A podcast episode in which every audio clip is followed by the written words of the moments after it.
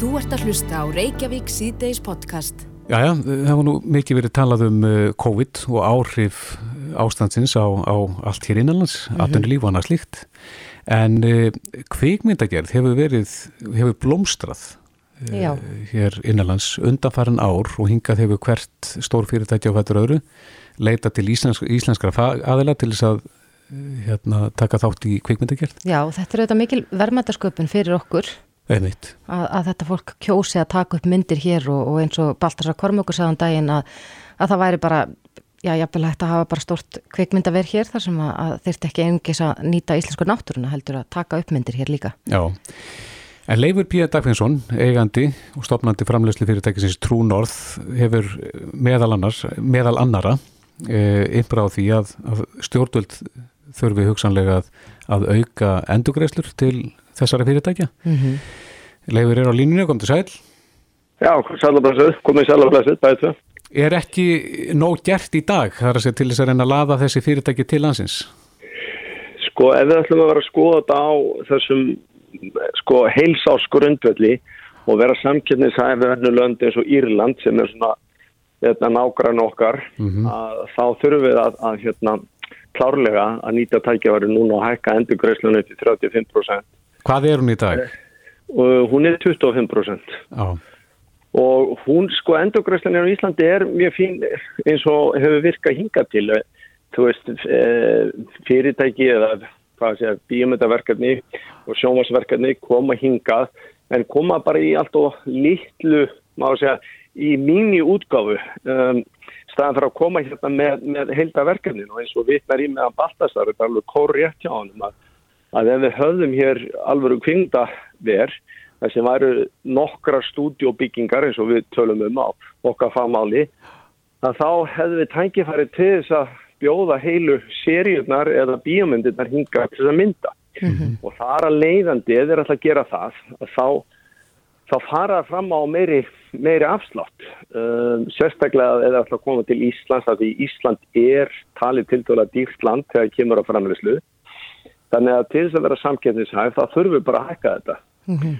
og uh, við erum náttúrulega líka síðan náttúrulega með, ok, nú er kannski hagstætt að koma til Íslands tannig sér með hvað krónan er, er veik en hún bara flögt er allt á mikið og þetta er svolítið, að, þú veist, hún er, er ekki að treysta á hana að hún haldi eins og hún er í dag og hversu lengi þannig að, að, að til þess að tryggja það að hér komi aðlar og fjárfesti jafnvel í stúdjóbyggingum mm -hmm. þá þurfum að hafa þessi endurgræslu 35%. Já, en endurgræslan er 35% í, löndum í kringum okkur og mér finnst maður að sjá það svona æg oftar að, að já, það er verið að kjósa að taka upp bíómyndir í, í svipuðu landslægi lík, líkt og í Írlandi og Skotlandi eitthvað sem mm. ájapn vel að gerast á Íslandi. Uh, já, já, við séum mörg dæmið þess og, og hérna við sáum það bara í Eurovision að þeir skutu bara þess að hluta hluta að brota myndinni hér og, og með þess að voru Íslandsinu teknar í, í bæði Skotlandi og Englandi þannig að, að þá, það var fyrir árið síðan og þá var náttúrulega gengið annað sem dæmi og líka endurgræslan okkar uh, hefði þurft að hafa verið meiri til þess að fá þetta verkefni þá mei, í, í meiri hluta hinga sko. mm. En við stóðum alltaf þeirri meiningu að sérstað Íslands væri landslægið en, en hva, hver er sérstað Íslands þá ef að mennur fannar að geta tekið upp íslenska senur erlendis? Já, okkur það er mjög góð spurning. það, sko, þetta er, það, það er nefnilega hérna kaltaninn í þessu. En við þurfum nefnilega að tryggja okkur akkurat þetta, þetta sé ekki gerast. Þetta, við erum náttúrulega þekkt fyrir að, að hér á Íslandi eru skotin önnu lönd eins og Grænland og, og Himalægafjöld og, og, hérna, og einhverja aðra plánutur hérna út í geim, geimnum en, en hérna við erum þekkt fyrir það. Þannig að til þess að sko að ná þessu sem þetta í heilsinni hinga þá þurfum við að spýta í lofana og sérstaklega núna því við erum búin að fá svo mjög aðtikli út á COVID að Ísland er svo COVID-frí land í þeirra huga. Við erum, við erum hérna mann, sko, mannfá á mhm. heimsvísu og við erum með nóga plássi og við erum með gott hérna heilbriðskerfi og gott eftirlit á þessu COVID. Þannig að hér eru alveg mjög spenntur að koma og þeir hafa verið að tala hingja mikið á síðustu mánum til þess að aðtóa hvort við getum komið með heilu TV-seríunar hingað inn til lands.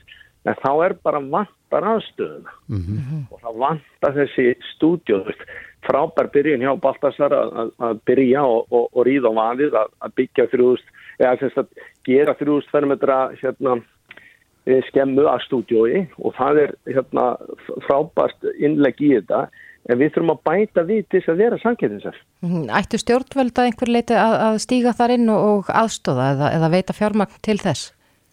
Uh, ég myndi segja að það ætti bara aðlar fókusar á það að, að, hérna, að auka endur, hérna, endurgariðslunum upp í 35% vegna þess að þá er engin beitt kostnað fyrir þau og það er ekki fyrir en að sko allur peningurinn er komin inn í hagkerfið okkar og búin að vera að vinna inn í hagkerfinu búa til hérna, afleitt störf og, um, og, og þá hérna þá, þú veist, það þurfa ekki að vera, þú veist, við þekkjum það fyrir að setja pinningi alls konar versmjór annað sem eru kannski stopp í dag. En, en þarna er klárlega hérna tækifæri að gera þetta bara, þú veist, þegar með þessari endugreifslu og þá og þá þarf ekki að borga neitt út fyrir allir peningurum búin að vera hérna inn í kerfinu og borga því skatta og gjöld og annað. Já, mm -hmm. þannig að þetta myndi stíla sem markvallt tilbaka þar að segja auknu tekjum fyrir samfélagið? E, já, alveg klárlega, klárlega og líka bara verið ferðarþjónustur. Já, En eru mörg verkefni í deglunni núna? Það er ímislegt í skoðun og það býð allir voða spenntir eftir að sjá hvað, að því að það er náttúrulega búið að vera viðra þetta við Erlenda ala, það er allir spenntir að sjá hvað gerist, hvort að stjórnvöld er alltaf að spýti lóna og, og, og hérna hakka þetta og til þess að gefa tækifæra á því að við getum farið á stað að, að, að bæta í stúdióbíingarnar hér. Já, getur þú nefnt okkur eitthvað dæmi um þá sem að býða spenntir? Nei, það má ég alls ekki það er alltaf top secret sko. En setur það strikir reikningin að þessu að, að, að, að bandaríkjumenn get ekki ferðast hinga til lands með svona einföldum hætti? Mm, já, sko, en við erum með það sem stjórnvöld gerur og helbærisauðvöld voru að setja þess að hérna SOPIB mm -hmm. uh, fyrir alla kvindagjara menn og vinnuapp sem er að koma hér og er að skapa tekjur þannig að, að uh, það, við höfum verið að nýta okkur þá leið eins og þegar Will Smith var hérna mm -hmm. í síðustu eða þar síðustu viku þá voru amerikanir sem kom á, á hans vegum og náttúrulega hann þannig að, að það var náttúrulega bara fínt verkefni fyrir land og þjóð og verið frábær kynning þegar fram í sækir Já, hvernig láta þessar stjórnur af heimsóksinni hingað og, og verunni hér? Það er bara dásanlegt það var... hérna, og, og hérna, tala mjög vel um það Það var að vera í fríði? Já, íðulega. Það er svona, það er ennþá svo lenska hér að, að, hérna, að þeir fá að vera svona meir og minni í friði, sko. Já, viljum við halda í það? Já, ég held það. Ég held að það er svona sérsta okkar líka. Það er svona, geta svolítið um frálst um höfustróki hér og, og hérna, ég held að það sé gott eða frambúar að menn tali þannig um okkur íslendingana. Já, En menn þurfa að vera snöggir að ekki núna á stjórnvöld að eh, ef að menn ætla að fá þessi stór verkefni hingað að skoða þessar endugreislur? Uh, já, af því að það, ég hefði viljað að við gripi fyrir tömmana því ég var að tala um þetta fyrir þrejum mánu síðan og þá varum við betur í stakk búin núna uh -huh. uh, sérstaklega út af þessari þessari uppsöflu sem kom í, í smitum og öðru að, að, að þá er sko ennþá vera að vera að spurja þú hvernig stendur Ísland og, og hérna og við getum verið búin að gera fullt af vinnu með það að varum komið eitt önnu verkefni hinga til hans. Já, Leifur B. Dagfinnsson, eigandi framlegslu fyrirtækisins Trúnorð, kærar þakki fyrir þetta. Já, takk svo um leiðis, kæla, takk.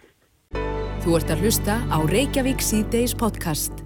Reykjavík C-Days og bylginni heldur áfram. Já. Það er nú ekki mikið sólarsamba akkurat núna ef maður lítur út um glöggan. Nei, var það í dag? Já, það var það í dag. Mm -hmm.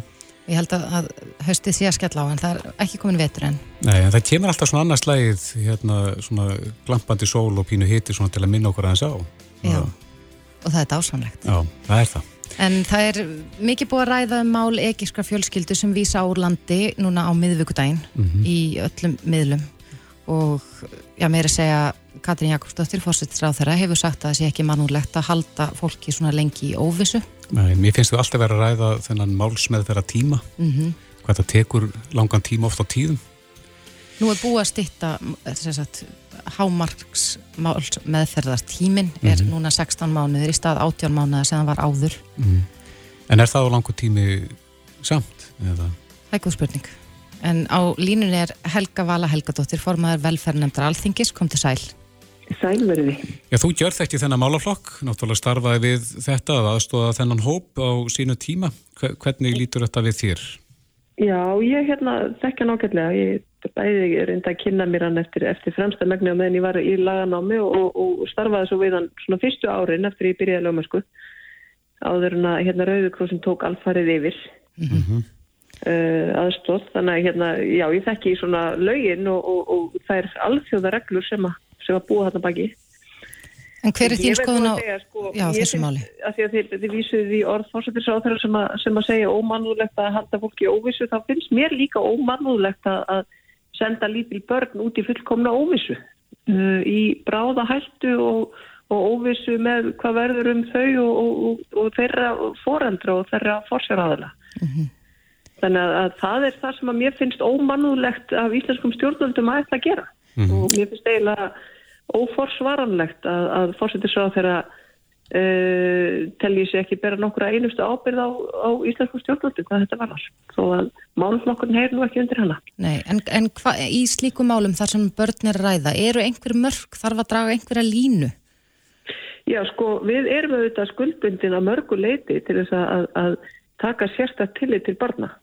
Eh, það hefur auðvitað verið vísa mikið í barnasáttmála saminuð þjóðana sem hefur lögfæstur hér á landi mm -hmm. og þar segir að það sem er barni best, fyrir bestu eigi alltaf að hafa forgang þegar að stjórnvöld eru að, að, að gera ráðstafanir eða varðar börn og svo er það líka stjórnarskráin okkar því að þið voru nú líka að tala um stjórnarskráin okkar mm -hmm.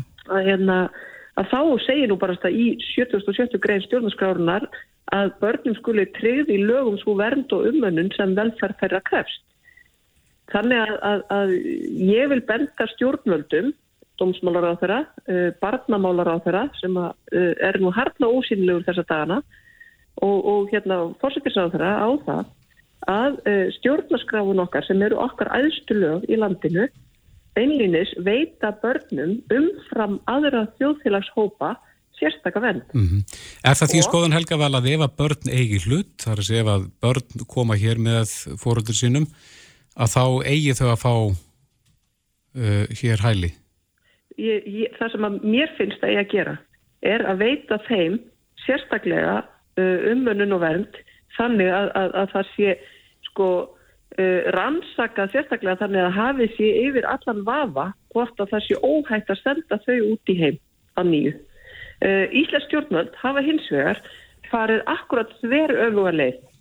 Þau hafa farið þá leið að skoða er uh, þessum fullorðna einstaklingi mögulega óhægt að fara út í algjöru óvissu, uh, pólitískar ofsóknir, efnahagslega óvissu, ekkert heimili, ekkert fyrir sér hvar viðkomandi á að dvelja eins og þegar við að senda viðkomandi tilbaka til Evrópu eða, eða ósóframvegs og eftir á segja svo, já börnin, það er börnunum fyrir bestu að fylgja fóröldrum sínum. Mm -hmm. Ég myndi horfa á þetta akkurat öfugt. Ég myndi byrja því að horfa á börnin og hugsa, okkur ber samkvæmt stjórnarskrá Íslands sem að er okkar grundvallar, er okkar grundvallarlög, okkur ber að hugsa fyrst og fremst um börnin.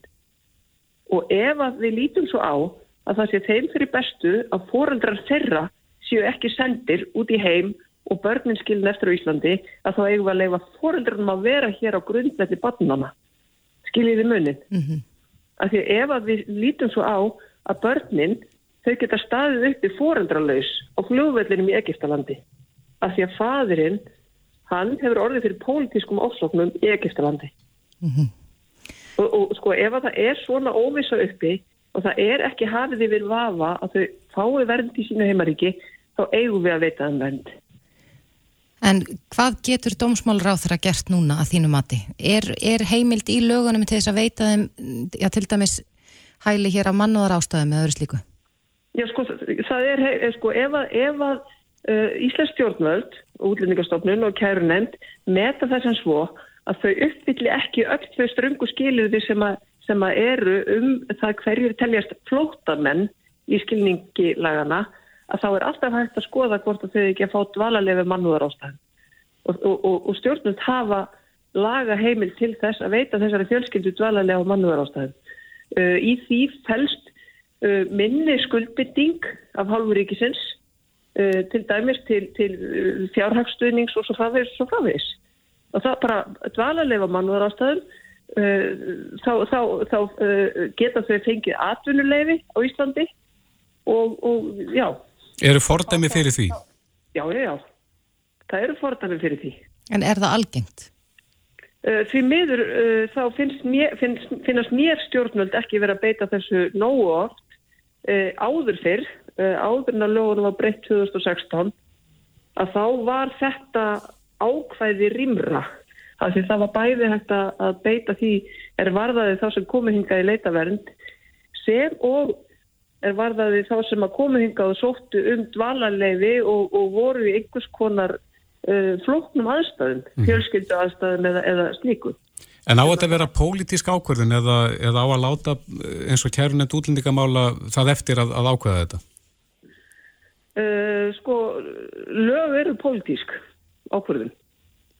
Það er, það er pólitísk ákvörðun hvernig lögum, uh, hvernig lög eru tólkuð. Það eru stjórnvöld sem, a, sem að senda línuna og, og ákveða til dæmis með reglugjörð hvernig, hvernig á að, að, að haga málum.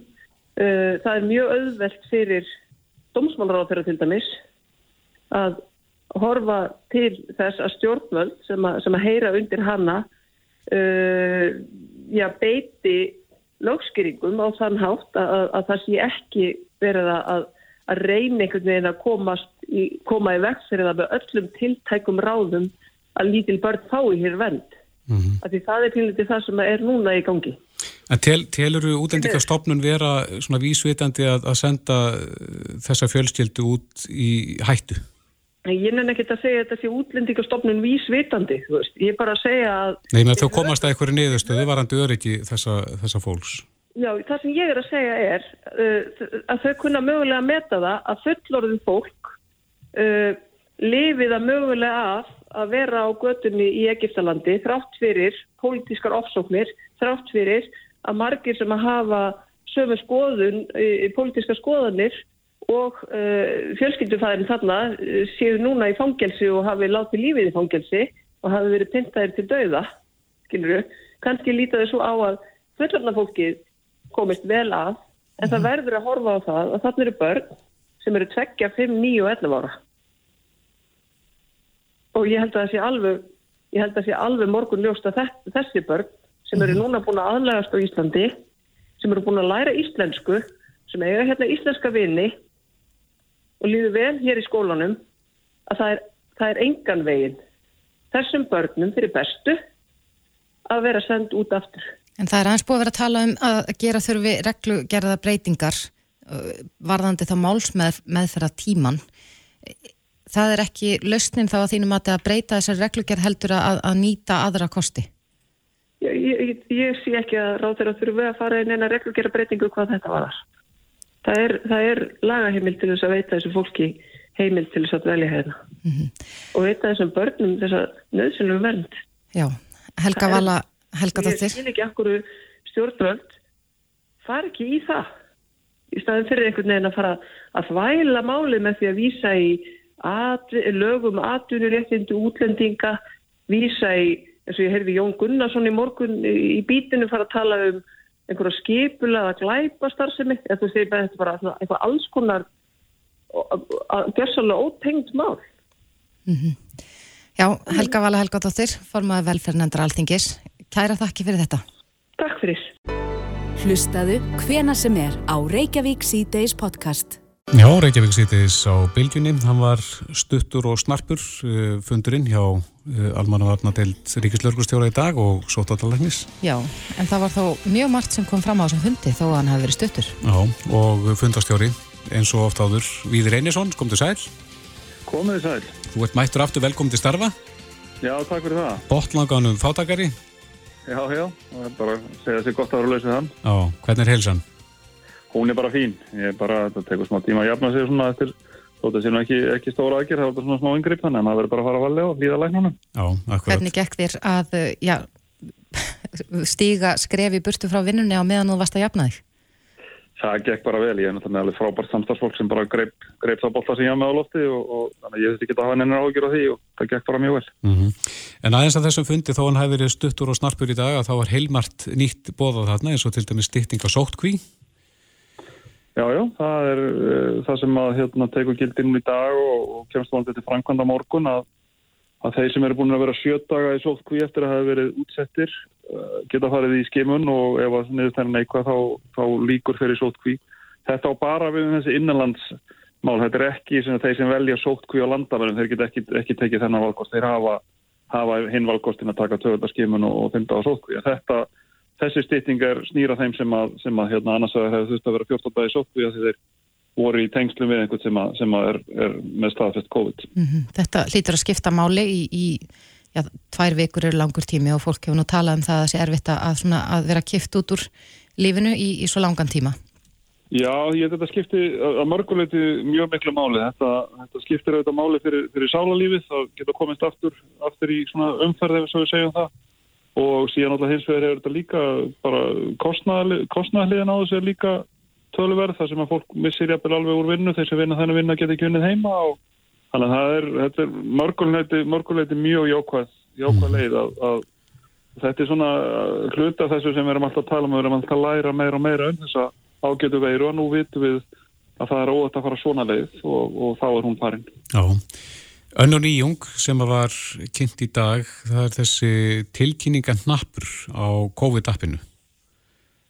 Já, þetta er svona hluti sem að við höfum verið að fá alveg frá upphafi tölvöld mikið af tilkynningum í gegnum alls konar miðla á brotum á samkomban eða brot á sótkví og við erum bara að reyna að, að færa þetta þetta að horfa, þetta sé skilir sér öruglega á rétta staði, sé rétt skráð og annað slíkt, þannig að nú erum við komið með, með þetta á lauruglu vefin og það er búið að tengja þetta síðan þá við smittræningarappið og, og líka við, við COVID.is, að mann geta tilkynnt tilkynntum brot og sótkvið, þá, þá tryggir það það að fá, öll mál fái, fái hérna réttmæta afgriðslu. Mm -hmm. Þeir töluðu líka um já, þessa litakóðun sem að ámögulega hrinda í framkvæmt. Getur þú útskýrt aðeins fyrir okkur? Er, mér skilst þetta að vera svona eins og já, gul viðvörun, appisum gul viðvörun eins og við þekkjum úr veðrinu? Já, það er svona við sækjum þetta í þessa, þessa hugmyndafræði sem að, sem að okkur er svo góð, góðu kunn sem viðastofan notar og, og hefur, hefur gefist vel að, að vera með þessa liti og við getum eiginlega sagt að grátt sé svona fyrst í litinu, það er bara þetta vennilega ástand og síðan síðan kemur gullt appi sinu gullt á raukt og, og þetta veðstofn hafi einu sinu á 8 árum farið á raukt og, og við reknum með því að, að raukt sé þá bara þegar við erum komin í einhvern gríðarlega veldisvöxt í einhverju farandri en, en litirna hann á milli, gulur og appi sinu gulur séu þessi litir sem að það sem við erum að grípa til einhverja aðgerða og, og svona, það sem við erum að horfa á kannski því eins og með þegar það verður gullt, það færum á gullt stig að þá væru við kannski ekki verið að breyta endilega þeim sóttanar ástöðunum, þeim reglum sem er í gildi. Þetta snýr þetta meira fyrirtækjum og einstaklingum að mann gæti sín ennþá frekar líkt bara eins og þegar mann fá guðla viðurinn á veðrinu þá kannar mann betur hvaða, hvaða leið er best að fara, hvort það sé nöðsynlega ferðin sem mann er að fara í ána slíkt og þá, mm -hmm. þá sama myndir gilda í þessu. Á hvaða staði í litrófinu myndir þú segja við værum núna þú þurftir að skjóta það? Já, við erum svona, það sem við telljum að við séum svona nálgast að við getum kallað nýja normið að það, það verði, við erum ekki til veiri frí í samfélagi, það er eitt og eitt, eitt og eitt smitt og tvö og þrjú og fjóru koma og við svona vantilega stillum þetta þannig að það myndi þá vera grátt, það væri þá bara, við erum að gæta, það er, það er í gildi ákveðna reglur, við erum að gæta að persónum myndi smittöðunum okkar og, og allt það en, en, en það er ekki sem sagt verið að frá herða reglur eða eitthvað slíkt, það er ekki líkur á því heldur. Mm. Brekar eru við svona leiðinni í það að, að, að ástandi verði örgar á. Þannig að við erum ekstra millir kannski grátt og gull núna og ef ég ætti að velja þá myndi ég segja grátt. Já, en uh, getur þessi litastifting bara átt við einhver bæjarfélug eða landsluta eða, eða slíkt eða fer all landið á, á sama litin? Nei, við, við horfum á það að, að bæði getum við farið með þetta nýra sveitafélag og síðan kannski maður sér svona næsta starf þar fyrir að maður er lögurklumdaninn og síðan auðvitað landið eitt, þannig að við getum Ef við horfum á, á faraldurinn í, í vor þar sem að til dæmis að ef við tökum Bólungavík og Ísafjörð og það svæði sem dæmi þar sem að var farið í svona harðar aðgerð hérna á flest öllum öðrum stöðum og þá getur við alveg séð fyrir að það svæði væri á einhverjum ákvörnu lit sem var appið sínu gullu eða rauðu mm -hmm. og svo að kannski sunna verið vestur og annað landinu væri, væri á gullu eða jafnvel, jafnvel einhver svæði eins og östfyrir voru kannski lengi vel, jáfnvel bara gráðir sko. Þannig að þannig væri hægt að, hægt að stýra, stýra þessu með, með svona hætti þannig að fólk hefði þá frekar og meiri var á sér á ákveðin stöðum af því að ástandi væri það með þeim hætti þar. Mm -hmm. Hvenar verður þetta komið í gagni þetta kerfi? Sko næstu, næsta hérna, gildandi auðlýsing fyrir, fyrir hérna, rástafan einalans gildir núna í tvær vikur í viðbót og við reiknum með því að vera með þetta kerfi tilbúið þegar að nýju auðlýsing mun byrtast í, í tengslu við það. Þá er svona von okkar að, að, að við getum, getum hérna, tekið þetta nótkunni. Við munum reyna að kynna svona grunn atriðin í þessu núna bara í þessari viku eða byrju næstu. Mm -hmm. Það kom fram í frettum um helgina við þeirra að það er svona mikil endurskipulagning í gangi innan ennbættis ríkislörglustjóra og starfið þitt er löst til umsóknar. Já, þetta er nú ekki alveg rétt þannig. Það, það er þannig að, að það er verið að algjörlega endurskipulegja ennbættir ríkislörglustjóra og það eru settar sjö stöður sveðstjóra í, í þetta. Það eru verið að flytja til starfsfólk innan hús í, í þrjára þeirra mm -hmm. og það voru fjóra auðlistar. Það er engin í þessu starfi í dag nema kannski mætti segja að Jón Bjartmann sem er, er yfirlöglu þjótt lögjast og örgisvið sem almannavarnadeildin er undir. En ég er bara með COVID-verkefnin og, og þetta er miklu starra, starra og svona hvað sem er við að meira verkefni heldur en það þannig að þetta er ekki, ekki mitt starf sem er verið að auðvisa þannig. Nei. Hvað er þú þá stattur í öllu þessu? Ég er bara í þessu sérstaka verkefni, COVID-verkefni og við heyri undir undir skipulega almannavarna hjá okkur í því en, en, en það er samt sem áður þetta, í þessu skipuriti er kannski þetta verkefni svolítið sérstakt sko. þetta COVID-verkefni. En er það vita hversu lengi þú mynd gegna þínu ennbætti? Bara eins og þarf, það er ekkert við erum ekkert, ekkert hérna, komin á neina endastöð með það og, og, og ég mun, mun gegna þessu eins lengi eins og þarf bara, það er, er ákvörðun bara hannar að sjálf sér að hvað svona verkefni er haldið sérstak, sérstakku teimi eins og er núna lengi. Já, Viðir Reynisson, kæra þakki fyrir þetta. Takk sömulegis og njótiði dagsins. Sömulegis, takk. Reykjavík síðdeis á bylginni. Reykjavík síðdeis á bylginni, eh, klukkan orðin hálf 6 og um, á línunni er sviðstjóri útlendingastofnun, fyrirverandi settur fórstjóri. Já. En fórstjóri mætti til starfa aftur þannig að Þóstedt Gunnarsson er orðin sviðstjóri. Enn og ný, komdu sæl. Sæl. Eh, það er þetta mál, eh, þessar reykjafsku fjölskyldu, ég veit ekki hversu ítæðilega þú mátt tjáðu um þetta einstakka mál en, en það eru margir þættir í þessu sem að hafa vætið svona upp spurningar eins og til dæmis með máls meðferra tíman í þessum málum. E, eru 20 mánur ekki svona í það mesta?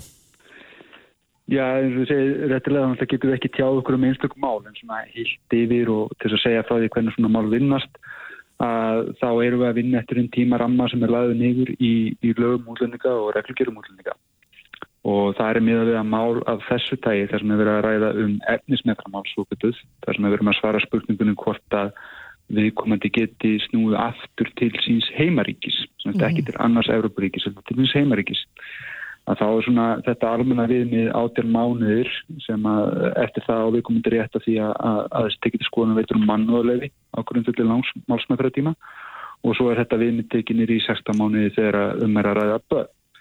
En það er þannig að málsmæðfræðtímin hefur verið að stýttast á undarverðnum árum. En það eru þó ennþá einhver mál sem hafa verið að koma inn á þenn tíma sem var e, eh, turut mikið málundum meðferðar og við erum að vinna með tímapresti ekki bara á þessum málum, heldur líka á þessum málum sem hafa kannski meira verið til umfylgjunar eh, sem var þá deglunarreglugeriðina og þessi svokvöldu verndarmál þar sem fólk er með vernd í öðrum Európríkjum mm -hmm. og það hefur svolítið leitt að við höfum þurft að, að forgansa því hvernig við vinnum mál og til þess að mæta þessum tímaprestum og kannski ekki alltaf eins og við höfum kosið að vilja forgansa það.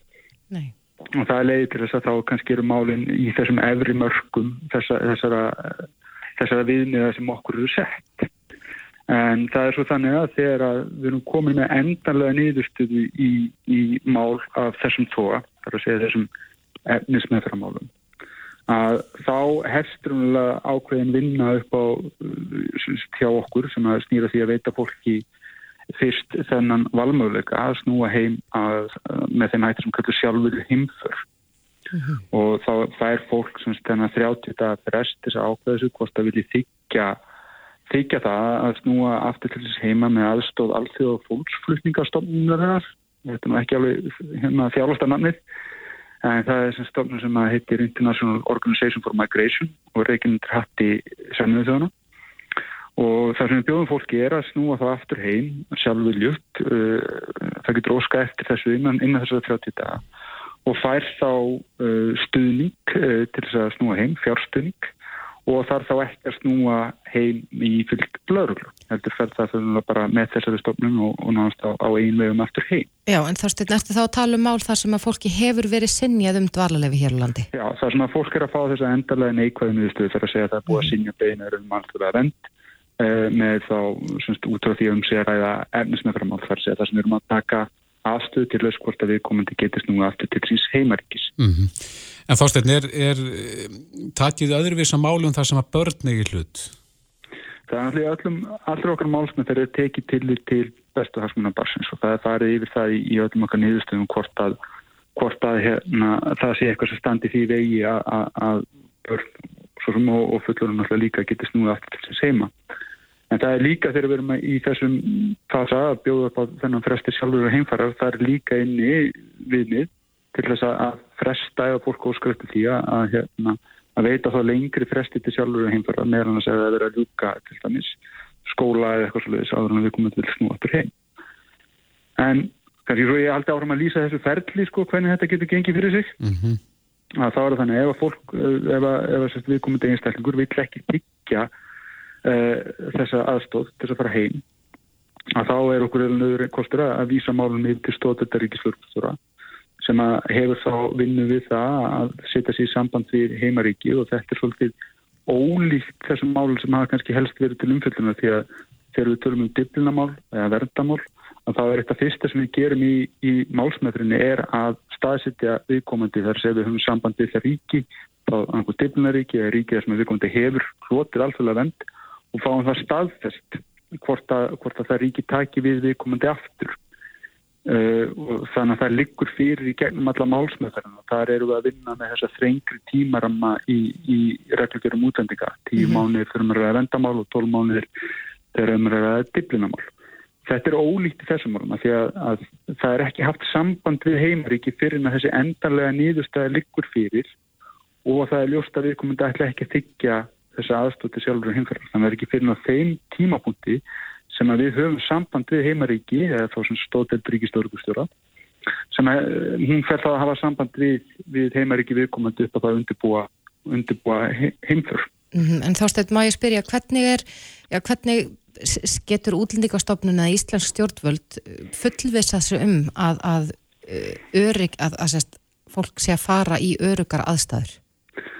Það er gert með því að við erum að fara, förum alltaf við, grunnurinn okkar málsmyndar er, er að tala við fólk sem að kynna til okkar og óskar eftir alþjóðunum. Þannig að við förum í gælum frásögn fólks, við könnum aðstæðir í heimaríki eftir ákveðnum aðförum sem eru, eru notaður um allan heim, byggjum mikið á upplýsingu sem við fáum um ríkin úr uh, alþjóðum skýslum, kynum okkur mjög vandlega aðstæðir í þessum ríkum, berum þær saman við frásögn fólksins og leggjum þá mat á það hvort að við teljum að, að sá óttið sem að fólk lýsir sé ástæðuríkur í, í skilningilaga mútlinga. Mm. Telst þið ekki eftir land örugt ríki?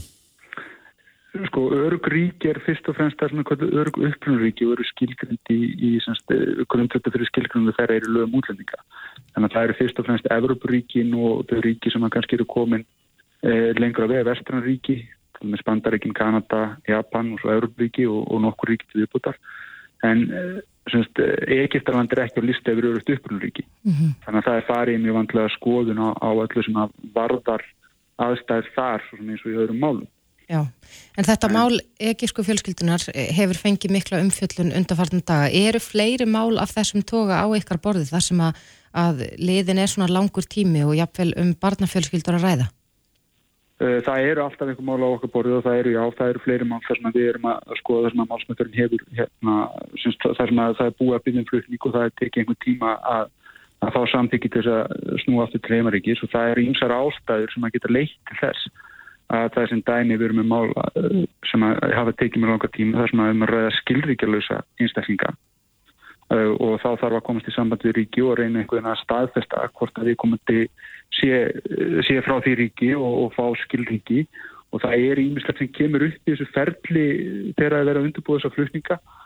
Og sem dæmið það getur endur nýja vegabrið og þá oft þarf að treysta það að þessi, þeirra einstaklega sem að undir eiga séu viljur að, að vinna með uh, lauruglunni, til dæmis þess að sækjum endur nýja um sínu vegabriði eða að gefa upplýsingar sem að geta gert heimareikinu uh, kleift að gefa út til dæmis uh, ný vegabrið þess þarf.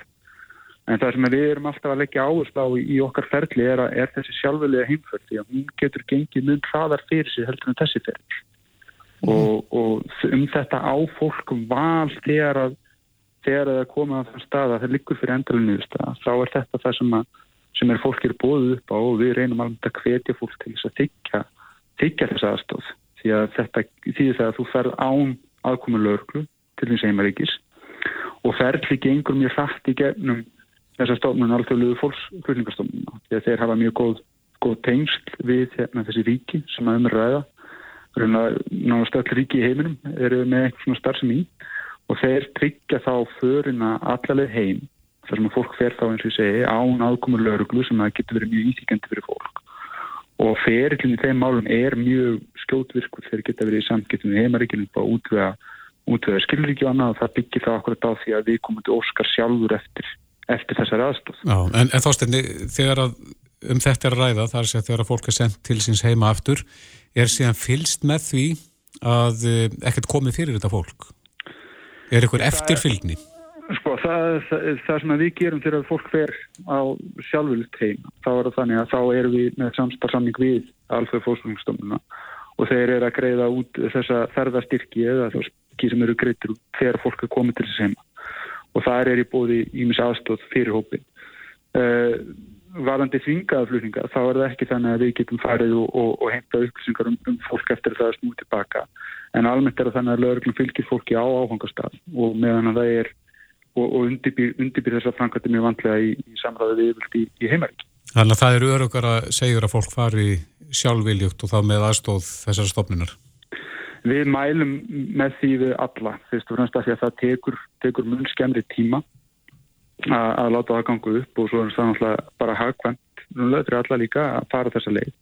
Og þá náttúrulega líka fyrir einstaklingin sjálfan að þurfa ekki að fara í fylg, fylg lauruglu til þess heimaríkis er, er eitthvað sem við til að sé æskilt fyrir alla en, en það getur náttúrulega verið ímsur ástæði fyrir því eða ef við komandi vill ekki þykja það þá er það náttúrulega svolítið, svolítið hans ákvörðun og á hvaða fórsöndum hún er tekinn það, það getur náttúrulega bara engin, engin svara þínum að við komandi sjálfur. Nei Þorstein Gunnarsson, sveistur hjá útlendingastofnun. Kæra þakki fyrir þetta. Takk fyrir. Reykjavík síðdeis á Bilginni podcast. Reykjavík síðdeis heldur áfram, klukkan er farna ganga sjö. En eh, já, hérna í vor þegar að margir voru sóttkví, þetta var svona meira einangrað samfélag, við vorum mikið að vinna heima og annars líkt, þá rættu við hans um parsambundin. Já. Og það sko, hvernig, hvað áhrif þetta getur haft á parsambund að vera allt í norðin einangruð og, og og þá rættu við við Haflega Kristinsson, hjónabatsrákjafa sem hingaði komin Sæl Haflið Hérna í vor þá varstu nú að tala um að þetta getur verið tækifæri fyrir suma mm -hmm. að svona kannski að vinna í samböndum eða, eða einhvern veginn að láta hlutina blómstra en, en þú talaður um sko, samvinnuna mm -hmm. að hún væri hvað mikilvægast í þessum efnum Hver er staðan hjá þér núna í, í þínum bransa? Er, er mikið að gera? Sko á haustin eikst alltaf vinnan, þú veist að fólk tekur sér svona pási við sömari og, og það er svona já, ég held að sömari almennt hafi verið ágætt. Mm. minnst að hvernig, svona almenna umræðanum sömarið er að þetta var bara frekar gott sömar um, ehm, þetta segir það ekki sögu þeirra sem að áttu eh, erfitt sömar eða voru að takast á við alls konar vandamáli eða bara upplýði þetta sömar eh, hérna á, á mjög neikvæðan hátt. En svona almennt í samfélaginu að þá var umræðan frekar í ákvæði uh, þegar kemur að þú veist ég var svo sem að viðtölu sögma líka en uh, og þar heyrði ég kannski meira um hvernig fólk nýtti tækifærin og það kalla allir kannski ekki að nýta tækifær heldur meira, það einhvern veginn hæði á öllu og það varð meiri tími. Tækifærðin urðu til úr uh, minni hraða veist, og meiri tíma mm -hmm sem að fólk hafið til þess að sinna hvað sem var sambandið eða bara fjölskyldunni og margir fundu svona góða hluti og skemmtilega hluti að gera og sömu töluðum eins og þannig að þeir ætla að reyna að halda á einhvern nátt áfram að, að, hérna, að breyta lífstilum að því þetta kom þeim vel. Mm -hmm. En svo talaði líka um það síðslega voru að ef eru alveg brestir í sambandinu þá er þessi einangrun líklega eitt af erfiðasta sem, sem hún tekst á við. Og ég veist ekki um að, að margir í sömar hafa upplefað það og reynd og við sjáum til dæmis bara með tölum úr uh, hérna, ofbeldis uh, samböndum eða of, ofbeldi gagvart börnum til dæmis mm -hmm. að það hefur hérna, aukist verulega. Og það var alltaf hættan og er alltaf hættan í svona ástandi þegar fólk einangrast og þú hefur ekki lengur aðra hluti sem þú ferði í eða þú, þú veist, þú, þú, þú lokaður inni í umhverfi sem er hættulegt mm -hmm. þá ertu auðvitað komin í miklu hættilegur stöðu Já. og það er kannski svona það er sorglegasti hlutin af þessum snúnu erfiðu tímum. Akkurat. Nú er kannski komið ákveðnum kaplaskilum svona í baratunni við koronaveiruna, nún er já, þessi mikla einungrum kannski, hún heyrir vonandi sögunni til, mm -hmm. en, en nú er það hins vegar að gerast að það eru hafa líklegast aldrei verið jafnmargir atvinnulegsur á Íslandi Einmitt. og þar ofan á, ofan á parsambönd og hjónabönd koma fjárhagsákjur. Já, og ég held að það sé stærst áskorunni núna. Um, við erum kannski alveg komin á þann stað, alveg í augnablikinu, við erum að koma út úr sömrun og nú er sko rútínan að fara stað og hún virðist alltaf ganga svona ágætla, skólar eru að, að hérna, standa sér bara vel í að, að að halda svona eðlilegu starfi gangandi mm -hmm. en núna fljótlega að fara að koma í ljós, þú veist, áhrifin af langvarandi annarkot atvinnuleysi eða svona þetta þetta stutta góða tímabil sem fylgdi sumrunu hjá fyrirtækjum sem er að berjast fyrir lífið sinu mm -hmm. að nú er sumari búið og Íslandingar er ekki alveg að fara að halda upp í til dæmis ferðarþjónustu fyrirtækjum og öllum þeim einstaklingum sem að tengjast þeim til dæmis uh, að og nú, nú fer sagt, að, að þrengja að og við vitum ekki alveg nákvæmlega hvernig fólki verður hjálpaði, hvernig stutt verður við fólk en það sem við vitum er að aðstóðin sem að fólk fær, hvort sem að það er í aðlunleysisbótum eða einhverja hlutabóta leið, veist, að það er alltaf bara hluti af þeim tekjum sem að fólk hafði áður, mm -hmm. svo fólk þarf að breyta um, um stefnu og stíl og margir hafa gert það nú þegar. En þegar þú sér kannski fram á þú veist, óverðsum sem fylgir því þú veist ekkert hvenar þetta endar. Veist, að þá fer að reyna á. Og ég held að tímabili framundan sé já, ekki síður erfitt en, en það sem, var, það sem við upplöfum í, í vor. Og þá fyrst og fremst skakvað þessum hóp sem er í óverðsum aðtunum á Já En hvað ráðurleikur þú fólki að gera ef það er í þessari stöðu að, að vera með fjárhagsáökjur mm -hmm. já, ofan á bara amstur dagsins? Sko ég held að uh, ég endur tegnum aftur frá vorinu, þú veist, mm. mikilvægast hlutin er alltaf samtalið veist, en samtalið eitt og sér er ekki að fara að auka tekjurnar veist, þannig að fólk þarf að finna leið til þess að, að, að draga saman og það er svolítið hérna svolítið kunstut að hlusta á samtalið um hvað fólk hefur sparað mikið á því að vera ekki að ferðast ellendis mm -hmm.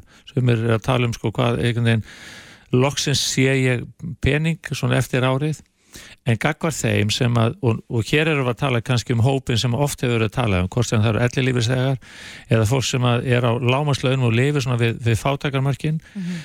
það, það fjölgar í þessum hóp og þessi hópur þarf á stuðningi og skilningi að halda veist og, og í svona þessum kjarnar sem er, er veist, samband og, og fjölskylda þá þarf fólk að geta rætt saman ákveðnátt getum við látið þetta ganga upp ef við erum komin algjörlega á þennan, e, þessa lámas uppa sem við getum rekna með að fá mm. veist, og óvisa um framtíðina óvisa myndi að breytast um áramótin eða kannski með vorunu þegar við erum að tala um ferðarþjóðustu fyrirtækin eða og alla, alla, þjó, þjónustu, alla þjónustunum við það eða í tala um flugið mm -hmm.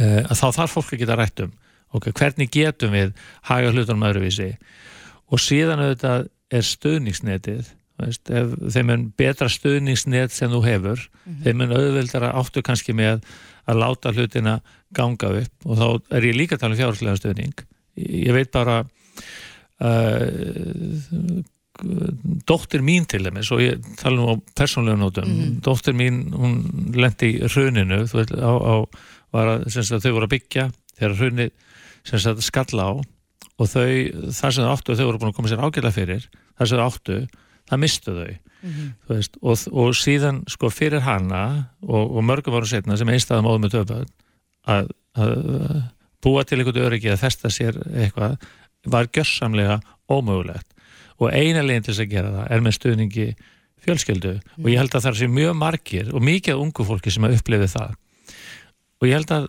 við séum á, á samahátt að upplifa þá hluti e, með fólk sem að er að upplifa hérna, eða er að finna sig á þessum stað að vera í andunleis og, og með, með mjög skertar tekjur mm -hmm.